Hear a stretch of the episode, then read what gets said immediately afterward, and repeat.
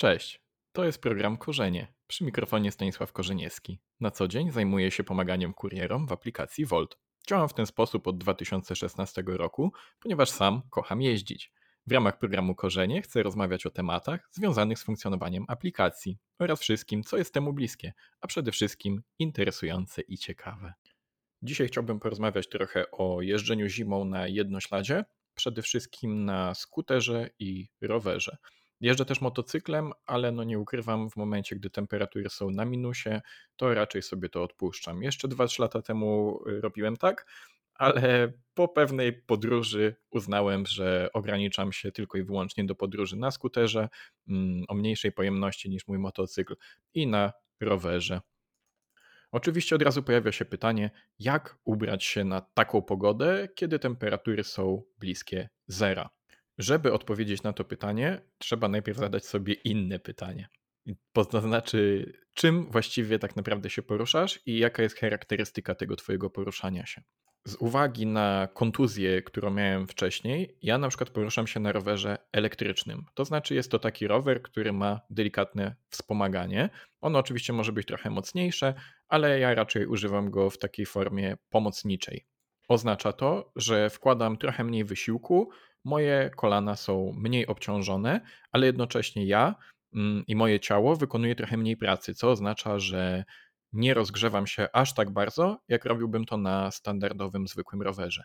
Oczywiście, jeżeli będziemy rozmawiać o skuterach, no to tam ten wysiłek wkładany jest minimalny i tam ta nasza potrzeba większego ciepła jest zdecydowanie większa. Więc tutaj warto jest na samym starcie rozróżnić sobie i odpowiedzieć na pytanie, jak właściwie się poruszamy i na ile nam tego dodatkowego ciepła czy ochrony przed zimnem jest potrzebne. No właśnie, dodatkowego ciepła. Czy jesteśmy w ogóle w stanie je w jakiś sposób uzyskać, czy jesteśmy w stanie tylko izolować mm, się od warunków zewnętrznych i bazować na temperaturze naszego ciała? Ja nie ukrywam, jestem trochę zmarzluchem i jak tylko przeczytałem, gdzieś znalazłem informację o tym, że istnieje coś takiego jak podgrzewana odzież, no to wzbudziło to moje zainteresowanie. Zwłaszcza, że no, nie ma co ukrywać, dosyć lubię gadżety. Także w tym odcinku chciałbym poruszyć temat właśnie ogrzewanej odzieży, a przynajmniej tych elementów, które ja miałem okazję przetestować, a także tego, co i w jaki sposób możemy się ubrać, co na siebie możemy założyć, mm, żeby zapewnić sobie większy komfort w trudnych warunkach. Coś, od czego bym zaczął, to takie podstawy funkcjonowania naszego ciała, naszego organizmu, czyli to, że zazwyczaj, kiedy jest chłodno, w pierwszej kolejności ten chłód odczuwamy na dłoniach i na stopach. Na tyle, na ile się orientuję, wynika to przede wszystkim z tego, że nasze ciało przede wszystkim chce ogrzać te najważniejsze organy, które są potrzebne nam do funkcjonowania. Także sorry stopy i sorry dłonie, ale no nasze ciało nie traktuje was tak priorytetowo przez co bardzo często odczuwamy dyskomfort termiczny właśnie w tych miejscach. I to właśnie było dla mnie motywacją do tego, żeby poszukać jakichś metod i sposobów na to, żeby było mi trochę cieplej w dłonie i trochę cieplej w stopy, zwłaszcza gdy realizowałem zamówienia na skuterze. Ale zanim przejdę do tematu ubrań mm, podgrzewanych, to chciałbym porozmawiać chwilę o takich zwykłych, standardowych ubraniach i o tym, o co warto jest zadbać. Przede wszystkim warto jest zadbać o to, żeby tego naszego ciepła nie tracić, czyli zapewnić sobie jak najlepszą izolację. Więc to dlatego właśnie jest tak czasami ciężko nam wstać rano, kiedy temperatura otoczenia jest trochę chłodniejsza, pod kołdrą jest tak cieplutko. To jest nasze ciepło. To my jesteśmy cieplutcy, a nie kołderka. Więc ta kołdra zapewnia nam izolację, natomiast ciepło, które jest tam pod nią wytworzone, wynika tylko i wyłącznie z naszego ciała i dokładnie to samo musimy zrobić na zewnątrz to znaczy skutecznie odizolować się od tego, żeby to ciepło gdzieś się wytracało. Zacząłbym od stóp do głów, powiedzmy. Tak będziemy sobie szli. Także pierwsza rzecz, którą mamy na zewnątrz, buty. Mm, I pierwszy problem, który się pojawia, czyli to, co dzieje się na zewnątrz. Jest mokro, więc warto by było, żeby nasze buty nie przepuszczały wody.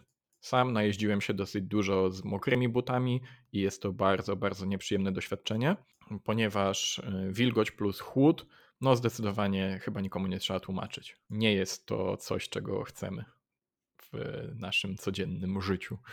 Także pierwsza rzecz, na którą ja zwróciłem uwagę w momencie, gdy zacząłem zwracać uwagę trochę bardziej na to, w jaki sposób się ubieram i co mógłbym poprawić w moim ubiorze, żeby bardziej komfortowo jeździć w niskich temperaturach i w trudnych warunkach pogodowych, to właśnie było zwrócenie uwagi na buty.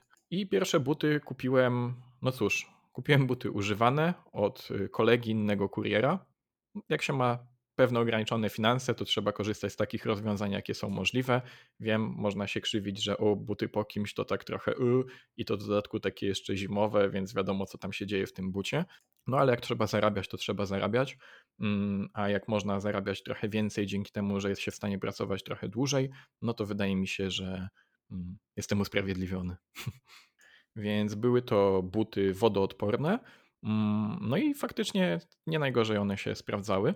Mm, ta rzecz, na którą moim zdaniem warto jest zwrócić uwagę, to to, żeby but był odrobinę większy niż to, czego zazwyczaj używamy. Ciekawostka, w, i to samo dotyczy zresztą rękawiczek. Jeżeli zostawimy odrobinę przestrzeni, mm, to zapewnia to dodatkową izolację, niż jeżeli mamy tego buta albo rękawiczkę tak na maksa wypchaną. Także pierwsza rzecz, którą bym wymienił, jeżeli miałbym zaczynać tę przygodę jeszcze raz i od nowa, w sumie nie zmienia się i wydaje mi się, że chyba dobrze tutaj postąpiłem. To znaczy, pierwsza rzecz to były właśnie buty, takie, żeby one mi nie nasiąkały od wody, od deszczu, od śniegu. Teraz na chwilę przeniosłbym się do Azji. Z Azji pochodzą pewne owce. Owce zwane owcami merynosowymi. I jest to, polecam, żeby sobie wpisać owce merynosowe w Google, ponieważ wyglądają one dosyć ciekawie, tak myślę, że można by to nazwać. Mm, I wywodzą się one właśnie z Azji. Do Europy dotarły we wczesnym średniowieczu. O nie, przepraszam, może wykazuje się tu brakiem wiedzy historycznej. XII wiek. Czy jest to wczesne średniowiecze? Jest to XII wiek w każdym razie. Tak przynajmniej donosi nam Wikipedia. I stamtąd po wielu latach trafiły do innych krajów Europy. W tym momencie, dlaczego opowiadam w ogóle o tej historii?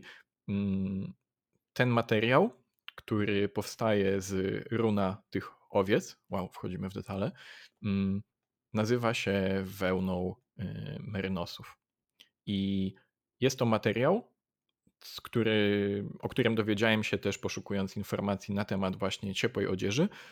Dowiedziałem się, że wyprawy alpinistyczne często właśnie korzystają z odzieży, która jest zrobiona z tego materiału. I w ten sposób przechodzimy do skarpetek. E, skarpetek właśnie z takiego materiału. Co mogę powiedzieć? No, mi się to dosyć dobrze sprawdzało. Mm, tutaj w sumie jedyny minus, jaki, jaki miałem, jaki, na jaki zwróciłem uwagę, to było taki, że dwa razy udało mi się tę skarpetkę podrzeć przy jej zakładaniu. To są te takie wyższe skarpetki, więc jeżeli nie zrobicie takiego rolowania, no to możecie natknąć się na to, że po prostu szarpniecie i ona się podarła. Ciężko mi powiedzieć, czy była to kwestia akurat danego producenta, z którego korzystałem, ponieważ to były wszystkie skarpetki z tej samej partii, mm, czy może jest to właściwość akurat tego materiału, ciężko powiedzieć, ale na pewno w niskich temperaturach sprawdza mi się on bardzo dobrze i cały czas z tego tak naprawdę korzystam. Swoją drogą, jeżeli miałbym dodać coś do minusów związanych z obuwiem, to te pierwsze buty, które kupiłem, pamiętam, że nie miały gumowej podeszwy, e, tylko miały jakąś taką, taki plastik, coś ten deseń. No i oczywiście oznaczało to, że w momencie wchodzenia na jakieś różne klatki schodowe czy inne miejsca, gdzie ta powierzchnia jest śliska, było bardzo łatwo zaliczyć glebę. Mm, więc no nie wiem, trzeba też zwracać uwagę na to, jak ten but jest skonstruowany. To był but rowerowy, więc e, stąd e, tego typu materiał pewnie.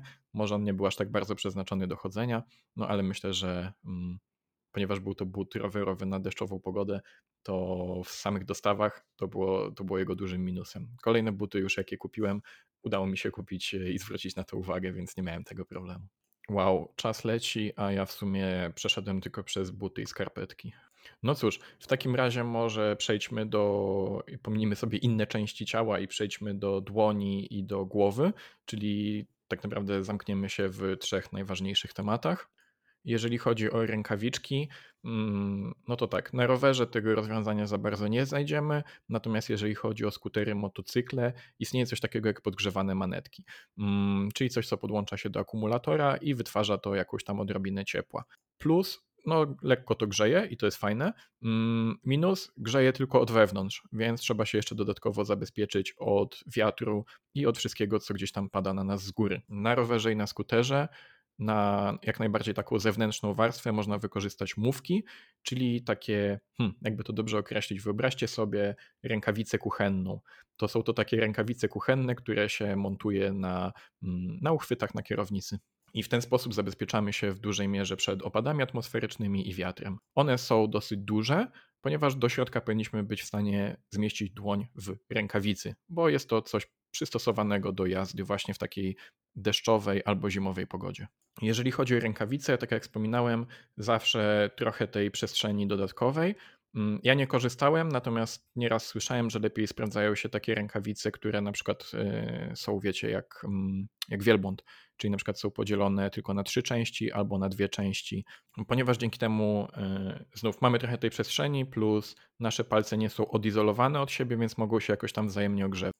Tak, nie wiem, czy w tym odcinku uda mi się w ogóle przejść do podgrzewanej odzieży. Więc trzymajmy się tego, o czym rozmawiamy i idźmy dalej tym torem, który nam tutaj naturalnie wychodzi. Po rękawiczkach przychodzi pora na głowę. I jeżeli chodzi o izolację tutaj, mm, to przedstawiłbym dwa scenariusze.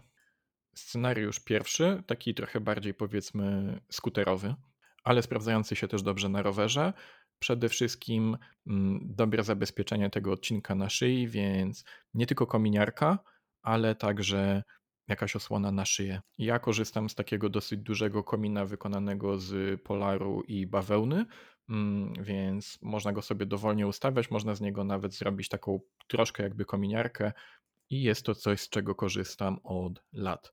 Mm, dodatkowo dochodzi kominiarka. Kominiarka w wersji zimowej, czyli z takim lekkim podbiciem też z jakiegoś takiego materiału mm, polarowego powiedzmy. Nie wiem, czy to jest polar, ale jest to, jest to taki materiał, jakim no, możecie sobie wyobrazić. Żeby zabezpieczyć się przed y, wiatrem, który gdzieś tam uderza nas w twarz, mm, takie dziurawione powiedzmy osłony na twarz. Maski? Nie, nie wiem, czy nazwałbym to maskami, ale jest to takie coś, co możecie znaleźć w jakichś różnych sklepach, które oferują sprzęt na mm, jazdę na nartach czy na snowboardzie. Minus jest taki, że wydychając, wydychamy parę wodną, ona szybko się mm, na tych maskach osadza i zaczyna wam się robić taka lodowa maska, co w ogóle nie jest przyjemne. Więc możecie też korzystać na przykład właśnie z tego, co macie na szyi i najzwyczajniej w świecie sobie jakoś to obracać, e, a jak wam się już, że tak powiem, tej wody zbierze za dużo, no to możecie zawsze to podmienić na, na jakąś drugą. No niezależnie od wszystkiego, moim zdaniem jest to, przynajmniej w moim odczuciu i tym, jak ja oceniam swój komfort, jest to coś lepszego niż, e, niż nic mimo tego, że ta woda gdzieś tam się faktycznie osadza i potrafi zamarzać. No i teraz pojawia się ciekawa kwestia, ponieważ ja na rowerze bardzo często korzystam z czapki z daszkiem. I to takim jak największym daszkiem, mm, więc to jest to taka czapka, mm, jakby to ładnie nazwać, skate'owska. Nie wiem, czy tak się teraz mówi, ale mam nadzieję, że wiecie, co mam na myśli. Duża czapka z dużym daszkiem. E, korzystam z niej głównie po to, żeby osłaniać oczy e, przed deszczem, wiatrem, śniegiem. No bo tak naprawdę izolację mam zapewnioną przez kominiarkę. Są jeszcze takie małe czapeczki ala kominiarki, które można sobie włożyć pod spód i to też się bardzo fajnie sprawdza. No i tak to wygląda, jeżeli chodzi o te kilka elementów. Jestem ciekaw, czy właśnie taka recenzja i opis tego, jak działa taka bielizna.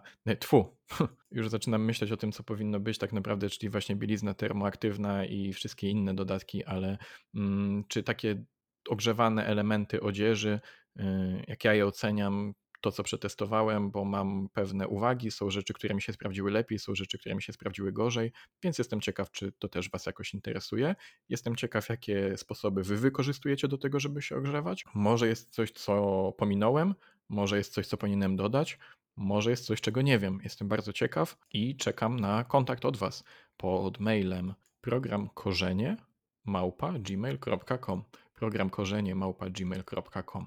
Napiszcie, co wymyślicie, jak wy widzicie tego typu tematy, a w następnej części opowiem trochę więcej o ogrzewanej odzieży.